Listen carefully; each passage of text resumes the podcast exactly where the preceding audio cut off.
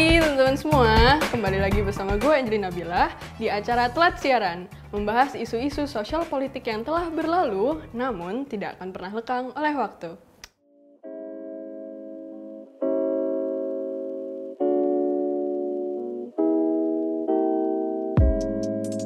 Berita pertama nih guys, berita yang panas yang gue jamin semua orang pasti tahu lah. Sekarang kan lagi rame nih isu tentang RUU Cipta Kerja. Nah, RUU Cipta Kerja ini kan suatu polemik ya di antara masyarakat karena dianggap selain naskahnya berubah-ubah, proses pembuatannya juga cenderung tidak transparan terhadap masyarakat. DPR mengesahkan perubahan ratusan pasal dalam waktu yang kilat pada 5 Oktober 2020. Rencananya, Omnibus Law ini akan merevisi sekitar 79 undang-undang dengan 1224 pasal yang berorientasi atau berfokuskan pada percepatan investasi atau sustainability dari kehidupan industri di Indonesia itu sendiri. Nah, di sini ada suatu alasan nih yang mendasari kenapa Omnibus Law ini menjadi perbincangan publik. Nah, alasannya adalah karena belum adanya akses terhadap versi final yang disahkan pada 5 Oktober 2020. Jadi, versi finalnya ini belum resmi diupload di situs DPR RI. Draft yang beredar nih ya, kalau misalkan kalian aktif di sosial media kayak misalkan di Facebook, Twitter, dan lain sebagainya, beda-beda banget, ada banyak banget versinya, dan di sini Bapak diwajarkan juga kenapa masyarakat memiliki pemahaman yang berbeda-beda. Nah, pada Februari 2020 kemarin nih, dari situs Kemenko Perekonomian, ada 1028 halaman dari draft RUU ini. Namun, pada tanggal 5 Oktober, ternyata ada versi yang lain, yakni ada 905 halaman. Nah, ini dipublikasikan sejumlah anggota DPR sebagai draft final RUU Ciptaker yang dibacakan pada saat rapat paripurna. Tapi ternyata, pada tanggal 11 Oktober 2020, ada versi lain lagi nih guys. Ada 1035 halaman dan pada 12 Oktober alias hari setelahnya ternyata ada 812 halaman. Ini yang bener yang mana gitu kan dia. Hmm. Baru-baru ini beredar lagi naskah 1187 halaman setelah Majelis Ulama Indonesia dan PP Muhammadiyah mengaku menerima naskah tersebut dari pemerintah pada 18 Oktober lalu. Alasannya sih ya, katanya draft ini berbeda-beda karena adanya revisi atau pengecekan editorial seperti salah pengetikan. Nah, katanya kan nggak ada nih pasal yang diubah ya juga. Nggak bisa juga kan kita ngubah pasal secepat itu. Tapi ternyata pada klaster perpajakan, khususnya yang membahas ketentuan dalam Undang-Undang Nomor 28 Tahun 2009 mengenai pajak daerah dan retribusi daerah, terjadi tambahan satu bab dengan berbagai pasal pada versi draft 812 halaman. Di antaranya nih, antara bab 6 dengan bab 7 disisipkan satu bab lagi yakni bab 7A. Nah, bab tersebut berjudul Kebijakan Fiskal Nasional yang berkaitan dengan pajak dan retribusi. Bab baru ini terdiri dari enam pasal.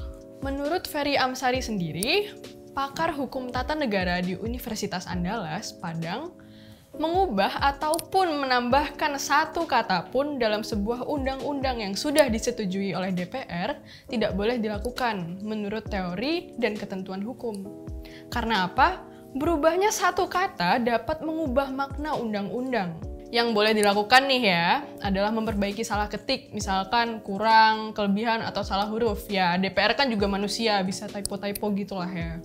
Ada banyak hal yang tidak diperbolehkan. Contohnya adalah menambahkan kata, kalimat, apalagi menyusupkan pasal dan segala sesuatu yang tidak berkaitan dengan kesalahan ketik.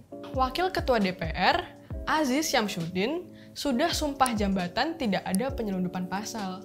Tapi pernah nih guys, dulu tahun 2009 sebuah ayat dalam RUU Kesehatan hilang setelah disetujui pada rapat paripurna. Parah banget. Badan Kehormatan DPR kala itu berdalih bahwa tidak ada kesengajaan terkait hilangnya ayat 2 pasal 113 dalam UU itu alias sebagai kealpaan semata aja. Nah, di sini kalau misalkan teman-teman tahu nih, kemarin kan ada demonstrasi gitu ya sebagai apa ya? Usaha masyarakat untuk menyampaikan aspirasinya nih terhadap ketidakjelasan pasal-pasal yang ada dalam Omnibus Law. Nah, di sini menurut aku pribadi nih, sebuah atau sebuah badan pembentuk hukum atau lawmaking bodies seperti DPR seharusnya memiliki tanggung jawab untuk mensosialisasikan pasal-pasal dalam undang-undang tersebut kepada masyarakat untuk menghindari kesalahpahaman. Nah, ketika yang tersebar aja ada banyak sekali versinya, gimana mau masyarakat memahami hal tersebut? Masyarakat aja nggak tahu mana pasal yang benar, mana versi yang benar. Nah, di berita kedua yang akan aku bawa ini merupakan isu mengenai anggota TNI dan Polri yang dikabarkan merupakan bagian dari suatu komunitas LGBT.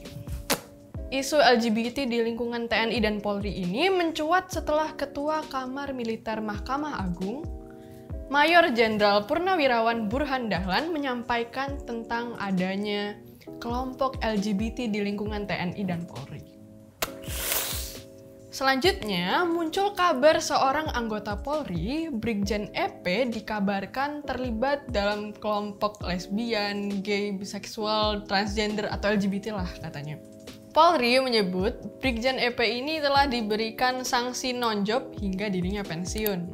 Nah, selain Brigjen EP ini, berdasarkan data MA, belasan anggota TNI juga sudah dipecat karena terbukti LGBT sepanjang 2020. Penmas Divisi Humas Brigjen Awi Setiono di Mabes Polri mengatakan, dalam peraturan Kapolri atau Perkap sudah diatur berkaitan dengan LGBTQ, di mana setiap anggota Polri wajib menaati dan menghormati norma-norma termasuk norma kesusilaan. Sanksi kode etik akan diberikan untuk personel yang memiliki penyimpangan orientasi seks LGBT. Nah, nggak hanya pihak Polri nih guys, Panglima TNI bahkan telah menerbitkan surat telegram khusus yang menegaskan bahwasanya LGBT merupakan salah satu perbuatan yang tidak patut dilakukan seorang prajurit karena bertentangan dengan disiplin militer dan merupakan pelanggaran berat yang tidak boleh terjadi di lingkungan TNI.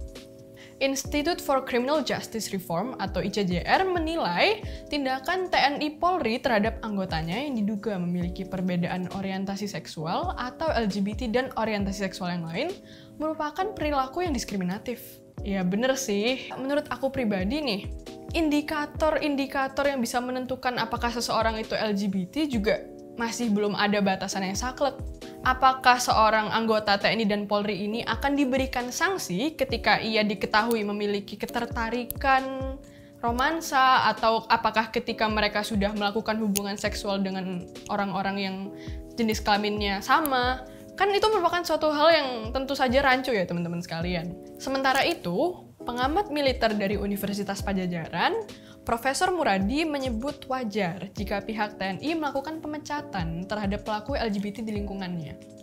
Karena telah ada perjanjian tertulis atau konsensus bahwasanya prajurit harus memiliki keinginan seksual tunggal. Kayak dalam hal ini sih, secara konvensional kan laki-laki menyukai perempuan dan perempuan menyukai laki-laki ya. Jadi ketika mereka ternyata terbukti menyimpang, ya di kemudian hari mereka harus bisa menerima konsekuensinya. Bisa dipecat karena dianggap kasarannya tidak taat pada perjanjian awal yang telah mereka setujui bersama. Nah, namun menurut Muradi, TNI juga harus menerima calon prajurit yang perilaku seksualnya cenderung ke arah lesbian, gay, biseksual, dan transgender atau LGBT. Nah, salah satunya nih berkaitan dengan keahlian khusus dan sistem perang yang kemungkinan besar nih di ke depannya akan berubah dari sistem perang yang semula konvensional sekarang cenderung ke perang siber, di mana orientasi seksual sangat-sangat tidak relevan dalam job desk yang akan mereka ambil di ke depannya. Nah, menurut aku pribadi nih, nggak pernah ada korelasi antara orientasi seksual seseorang dan apakah seseorang tersebut dapat melakukan kinerjanya sesuai dengan yang dijanjikan. Kalau menurut kalian sendiri, di berita ketiga yang akan ku bawain nih masih bersambung dengan isu pertama yang tadi yakni mengenai demo pelajar atau mahasiswa. Sejak disetujui DPR pada 5 Oktober lalu, aksi penolakan terhadap Omnibus Law atau UU Cipta Kerja terus dilakukan hingga 20 Oktober 2020. Sebelumnya, aksi demonstrasi ini juga dilakukan pada tanggal 8 Oktober dan 13 Oktober 2020. Pihak kepolisian juga mengamankan 806 pelajar dalam demonstrasi pada tanggal 13 Oktober. Sebagian besar di antara mereka adalah anak di bawah umur, alias sekitar hmm, 85 persennya lah ya, adalah pelajar SMA dan SMP dan diamankan oleh Polresta Tangerang. Menurut Kasat Reskrim Polresta Tangerang, AKP Ivan Aditira, kepolisian akan mempersulit pembuatan SKCK atau surat keterangan catatan kepolisian kepada para pelajar yang terbukti melanggar hukum dalam demonstrasi anti UU Cipta Kerja kemarin. Katanya kebijakan itu untuk memberikan efek jera.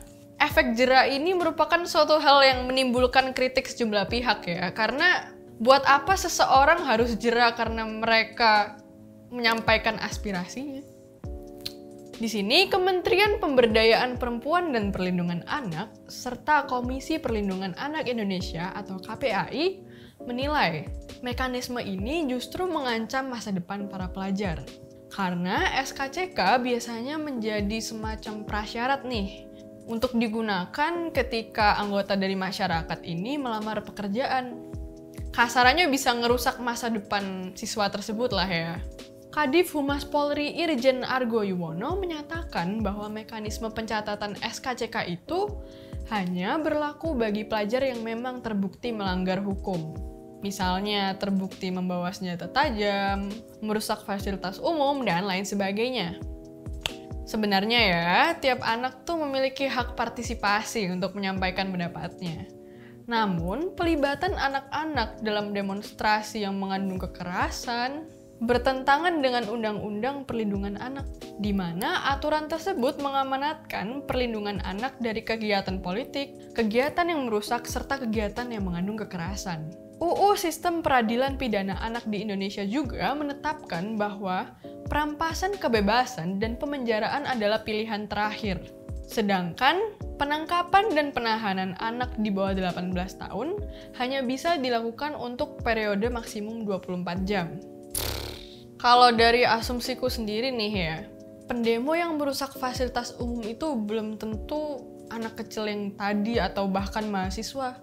Siapa tahu ada provokator di belakangnya. Meskipun demikian, pengerusakan fasilitas umum ini meskipun bukan suatu hal yang bisa dibenarkan, namun juga bisa dipahami karena aspirasi masyarakat tidak didengarkan oleh para pemangku kekuasaan. Nah, kelar udah tiga berita yang aku bawain di malam hari ini. Kalau misalkan kalian masih penasaran sama konten telat siaran, jangan lupa like, comment, dan subscribe. Kalau misalkan kalian punya saran nih, kira-kira di episode selanjutnya aku harus bahas apa sih? Dadah!